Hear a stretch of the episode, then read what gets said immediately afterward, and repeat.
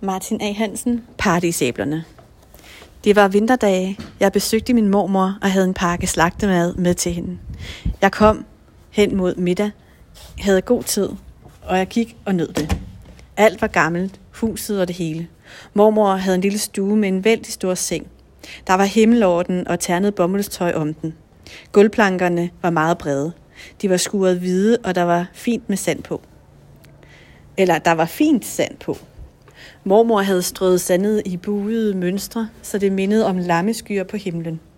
Der lugtede sødt af gemmefrugt, gemmefrugt og lavendel og renvasket tøj fra skuffemøblet, og på hjørnehylden stod evighedsblomster. Jeg satte mig på slagbænken og læste ugens nyheder. Uret tikkede. Der var et gammeldags ur i firkantet kasse. Under skiven var der et billede med en rev som jagter tre stokender op fra en skovsø. Jeg stod tit og så på det billede, som man ikke kunne blive træt af. En skovsø var sikkert meget dyb, bundløs, og alting mindede om noget andet. Skoven, vildænderne og reven. Jeg vidste bare ikke, hvad det var. Reven var ikke bare rev, synes jeg, men også ligesom et menneske. Skønt, den var naturtro nok. Ænderne så ud, som kunne de forvandle sig til piger, når de var flået længere ind i skoven. De forekom mig at have set det hele et andet sted, men levende. Det var måske en drøm, man havde glemt. Uret havde en køn tone. Et par minutter før det rigtigt slog, begyndte det at synge lidt. Ganske svagt, men fint. Så ville det prøve, om det stadig kunne. Det lød mærkeligt og godt. Man sad og lyttede til den svage synge, der blev finere og finere, men først døde helt hen, lige før uret virkelig slog. Jeg hørte mormor skramle med gryde og pande. Jeg gik ud i køkkenet og tog mine træsko på, som stod der på stengulvet. De var varme og træde i. Der var flyttet byghalm i bunden på dem. Mormor havde fyret op i den åbne skorsten. Hun satte panden over og fyldte den med gråfinger, som jeg havde haft med. Det skal du ikke, sagde jeg. Jeg skulle hilse og sige, at det skulle være til dig selv det hele. Jamen dog, min dreng, sagde mormor. Jeg tror nok, du kan lide gråfinger og jeg er så glad for at lave mad til andre. Jeg spiste godt med gråfinger. Vi sad ved bordet i stuen, og jeg kiggede tit op på billedet med reven. Vi brækkede rugbrødet, som lå på vokstuen i små stykker og dyppede den med gråfingerne. Vi spiste af panden, som mormor flere gange drejede, så det bedste vendte mod mig. Hun spurgte, om, hun spurgte, og jeg svarede. Jeg var 12 år gammel og sagde ikke mere, hvad der faldt mig ind. Sagde ikke så meget. Men jeg kunne lide at være hos mormor. Jeg synes, hun var meget gammel, men hun var så mild og ren. Hendes store, stivede forklæder duftede altid af vask og strygning. Skytten må smage fingrene, sagde mormor så. Og du vil vel gerne gå ind med dem? Jeg gik med en tallerken ind til den gamle skytte, som boede i den anden ende af huset i et lille kammer, der havde dør lige ud til vejen. Jeg tror, han fik lidt penge fra godset, hvor han havde været skytte, men det var så lidt, at han var fattigere end mormor. Der var en kone, som skulle se til ham med mad, men hun gjorde det dårligt. Han var heller ikke nem at omgås. Æderkopperne var ved at spinde ham inde, men ingen måtte gøre rent hos ham. På væggens søm hang et par gamle trøjer, og der var stykket spind imellem dem. Der lugtede ikke godt hos ham. Værre endnu end sidst jeg var der. Han havde kun et bord, en stol og et mørkt, uret sengested. Der var ingen varme i den rustne ovn, og han sad i sin kavaj på stolen foran det bare vindue, hvor der hverken var gardiner eller blomster. Imellem mellemtiden knæ havde han geværet stående. Sådan så man ham altid sidde, når man kom forbi vinduet. Jeg spurgte ham, hvorfor han altid sad med geværet. Naturligt, sagde han. Man må vare sig. Der kan ske alting. Hvad kan der ske, spurgte jeg. Alting, sagde han og man må passe på gravrusten. De fineste ting i verden tåler ingenting. Han trak geværet igennem øh, flere gange om dagen, for at det ikke skulle sætte sig rust i løbet. En gang lod han mig kigge igennem det. Kig efter, om der er noget, sagde han. Du har jo unge øjne. Det var en gammel, langløbet riffel. Han tog låsen ud og løftede pipen. Jeg lænede mig mod hans skulder, og jeg har aldrig set nogen med så meget skæld og skidt i hovedet. Så kiggede jeg op igennem løbet. Ser du noget? spurgte han. Hvad skal jeg se, sagde jeg. Ser du skygger, sagde han. Jeg stod længe og så. Den er så blank indeni som himlen, sagde jeg. Den gamle mand nikkede og tog geværet ned. Hans øjne var lyse og skinnede som riffelløbet. Nu gav han sig til at spise af gråfingerne, og han spildte straks noget i sit store skæg, men det lagde han ikke mærke til, for det var han vant til. Han slap ikke geværet. Det var næsten mørkt i hans kolde kammer, og det trak ind fra vinduet. I en af de øverste skuffer, eller en af de øverste små ruder, var der et lille rundt hul. Jeg spurgte, hvad det var for et hul. Ham der, sagde han og pegede. Først nu så jeg, at der ved hans hovedgær i den mørke krog hang en død fugl. Den var spættet på vingerne og havde stribet bryst. Næbet var kort og krumt. Der var en stor hø. Den var begyndt at rådne, og det var den, som, havde, som den værste stank kom fra. Den gamle havde skudt den gennem vinduet. Han var næsten lam i understillet af gigt, som ikke blev bedre af kulden i hans kammer. Han gik kun udenfor, når han skulle forrette sin nødtørft, og så meget øh, mennesker, for så meget menneske var han da endnu, men det var en stor pine og ydmygelse for ham, for samtidig måtte han kalde mormor eller en nabo til hjælp. Du kan ellers ikke se mange dyr her, sagde jeg og kiggede ud af vinduet. Der er kun en lille gruset plads at se og hegnet og mormors have med de vintersorte tågede, tågede træer. Undskyld, tågede træer. I årsagerne, der er mange. De kommer. Jeg ser meget. Jeg blev ikke længe hos den gamle skytte. Han havde sikkert oplevet meget, men han kunne ikke fortælle. Det gik i stykker i hans mund, og han kunne ikke forløse sig. Han talte, fortalte sådan, jo, det var altså... Han gik, og støvlerne sølede derover. Nå ja, fik et bladskud. Nå ja, det er ikke noget. Det var koldt hos ham, og jeg var heller ikke tryg ved ham. Jeg gik ind til mormor. Hun rejste sig fra armstolen ved ovnen. Nu skulle jeg sidde der.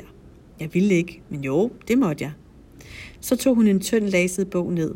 Den lå på ammerhylden under Bibelen og salmebogen. Det er en god bog, sagde mormor og rakte mig den. Hun vidste, at jeg var en læsehest, men glemte nok, at jeg havde læst bogen et par gange hos hende. Det var Den gule ulv. Mormor havde selv læst indianerromanen, og hun syntes, den var god. Det var den også. Jeg sad og læste Den gule ulv endnu en gang. Vi havde det godt. Mormor strikkede, og uret tikkede og sang kønt imellem, og dagen gik. Nu mørkner det snart, sagde mormor. Man må vel hjemad, sagde jeg. Du måtte da så gerne blive, sagde mormor, men dine forældre venter dig nok snart. Og du skal vel gå omvejen af broen, for isen er vist ikke sikker endnu. Det ved jeg ikke. Så det ved jeg... Det ved... Undskyld. Det ved jeg... Nej, jeg ved det ikke, så lige svarede jeg. Det var godt nok kringlet for sagt. Mormor kom med en ko fuld af små gulrøde æbler, som hun kaldte paradisæbler. De var meget søde og fine i smagen, særligt når de blev lidt runkende. Kurven havde fasong som en lille kiste. Den havde et velvet låg og et lukketøj, som min søstre altid havde troet var af guld. Den havde en behagelig hank med håndtag af rødt fløjl. Vi syntes, det var en eventyrlig kurv. Jeg skulle bære paradisæblerne hjem i den. Jeg stod for lejen og vred på mig i stuen, for jeg vidste ikke, hvordan jeg skulle få sagt ordentligt tak for den gode dag. Mormor havde et stort æble i sin knystede hånd. Hun gned det blankt og rødt i sit store, brusende forklæde og gav mig det. Tak, sagde jeg. Blev du aldrig bange for det der om natten? Det var snebærbusken uden for vinduet, jeg mente. Den stod så tæt ved, at nogle kviste rørte ruden. Det lød underligt, når vinden fik den til at famle over glasset. Det gør jeg ikke, min dreng, svarede mormor.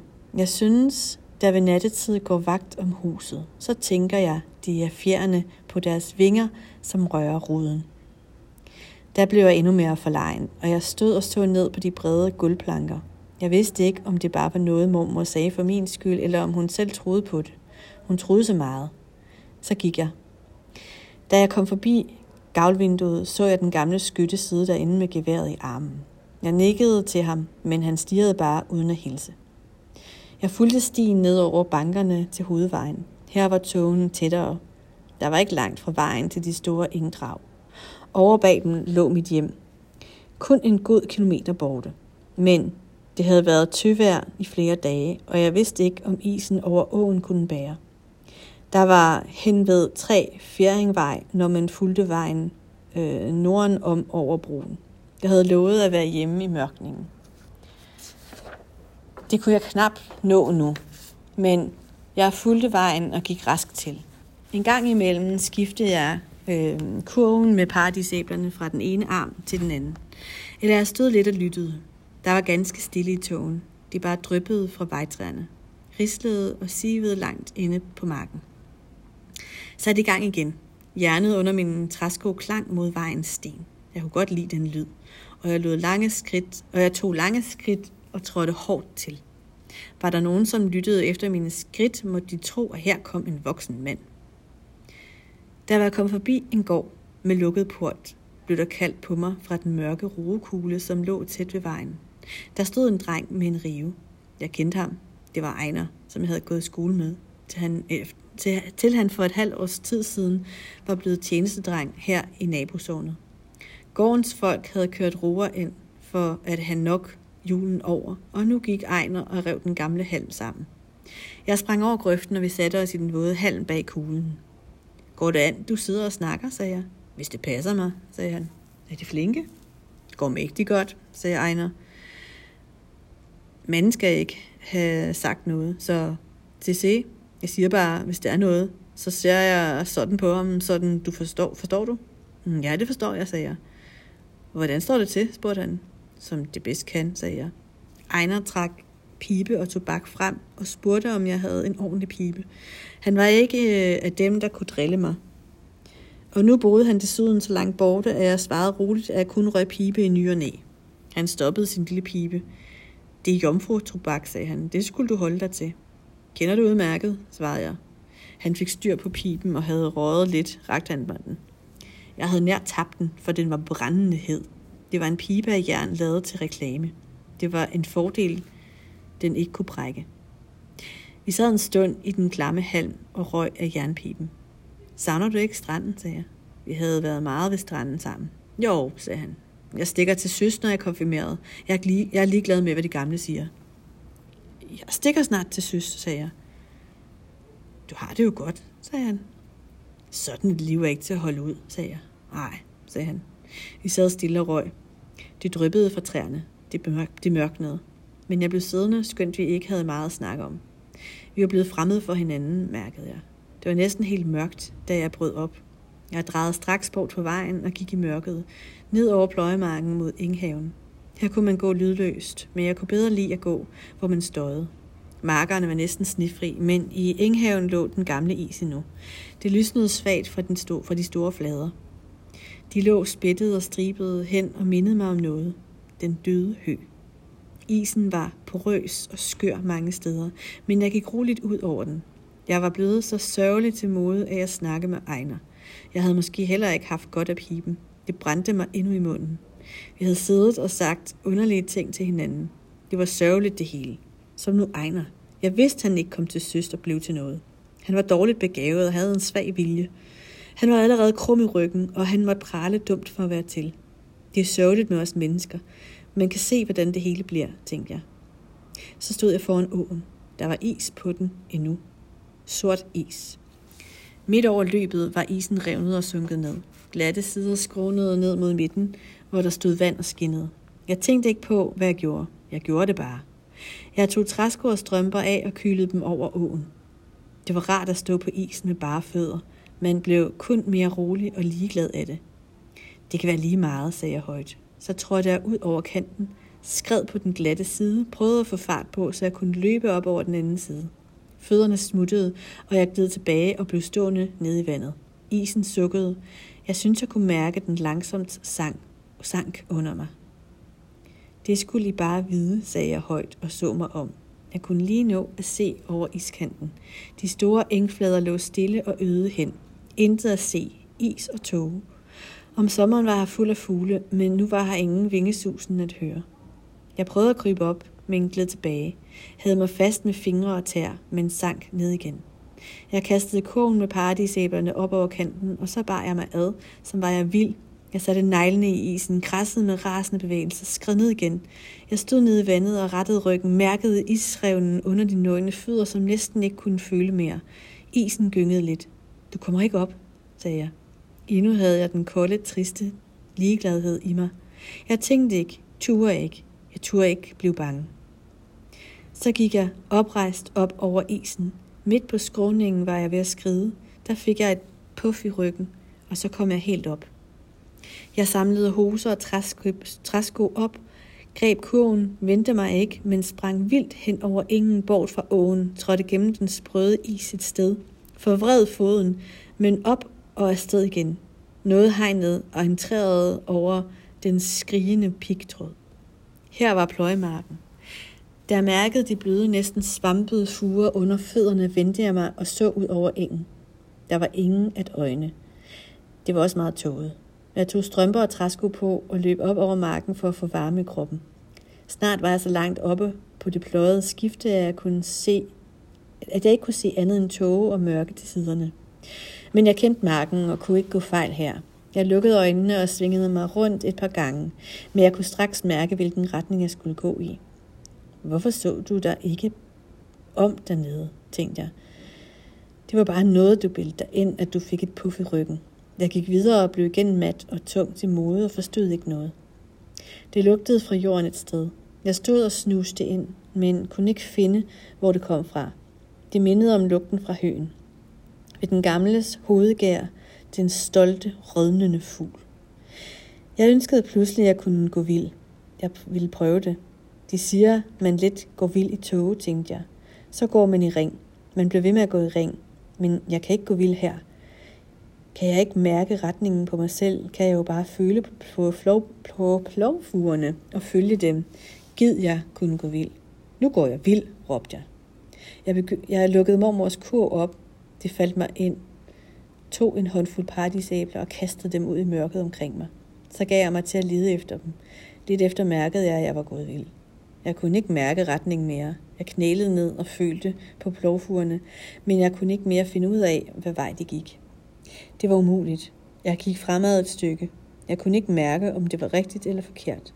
Jeg gik et stykke den modsatte vej, og det var det samme. Så blev jeg stående, men som jeg stod der, kom der mere og mere skræk fra jorden op gennem benene, op i kroppen, op i brystet, op i øjnene, der ligesom blev helt blinde. Jeg var gået vild, og jeg var ene. Jeg begyndte at løbe. Jeg vidste ikke, om det var den rigtige vej, men jeg turde ikke blive stående, og jeg turde heller ikke gå langsomt. Jeg løb alt, hvad jeg kunne, stønnende med kurven hoppende på armen. Nu og da var jeg ved at snuble. Jeg løb og løb. Min træsko, min træsko stødte på noget. Jeg faldt. Tabte kurven. Jeg rejste mig grædende på knæ og kravlede fremad. Låget var gået op på kurven. De fleste paradisæbler var trillet ud. Jeg begyndte angst og famlende at samle dem op. Nogen var sprunget helt ind mellem stråene i en græstot, som var der, var der foran. Jeg følte mig for i græsset. Hånden sank dybt ned mellem stråene. Jeg bøjede mig længere frem. Der var ikke mark. Ingen grund bag det græs. Jeg så det lyse svagt fra en vandflade under mig. Mærvelgraven som er sådan en bundløs grav på en eller anden måde. Sådan et vandhul, som er bundløs. Jeg lå og stirrede ned i mavelgraven. Den havde jeg ikke et øjeblik husket, skønt jeg havde været der for et par dage siden sammen med en anden. Vi havde lavet gynger i isen, og nu stod, der nu stod så, så der nu stod åbent vand. Da jeg havde samlet æblerne sammen, stod jeg der, lidt med kurven på armen. Jeg blev så varm, og jeg fortrød. Togen var så god nu. Der er nok nogen, som har passet på, tænkte jeg. Jeg synes, jeg hørte det synge svagt i luften, som af et ur, der snart ville falde i slag. En mærkelig og køn lyd, ganske svagt. Togen duftede som store, nystrøgende forklæder, og paradisæblerne duftede ud gennem fletværket på mormors kog. Så gik jeg udenom mavelgraven, hen under den mægtige rødpil, som stod i kanten. Dråber stinkede fra den.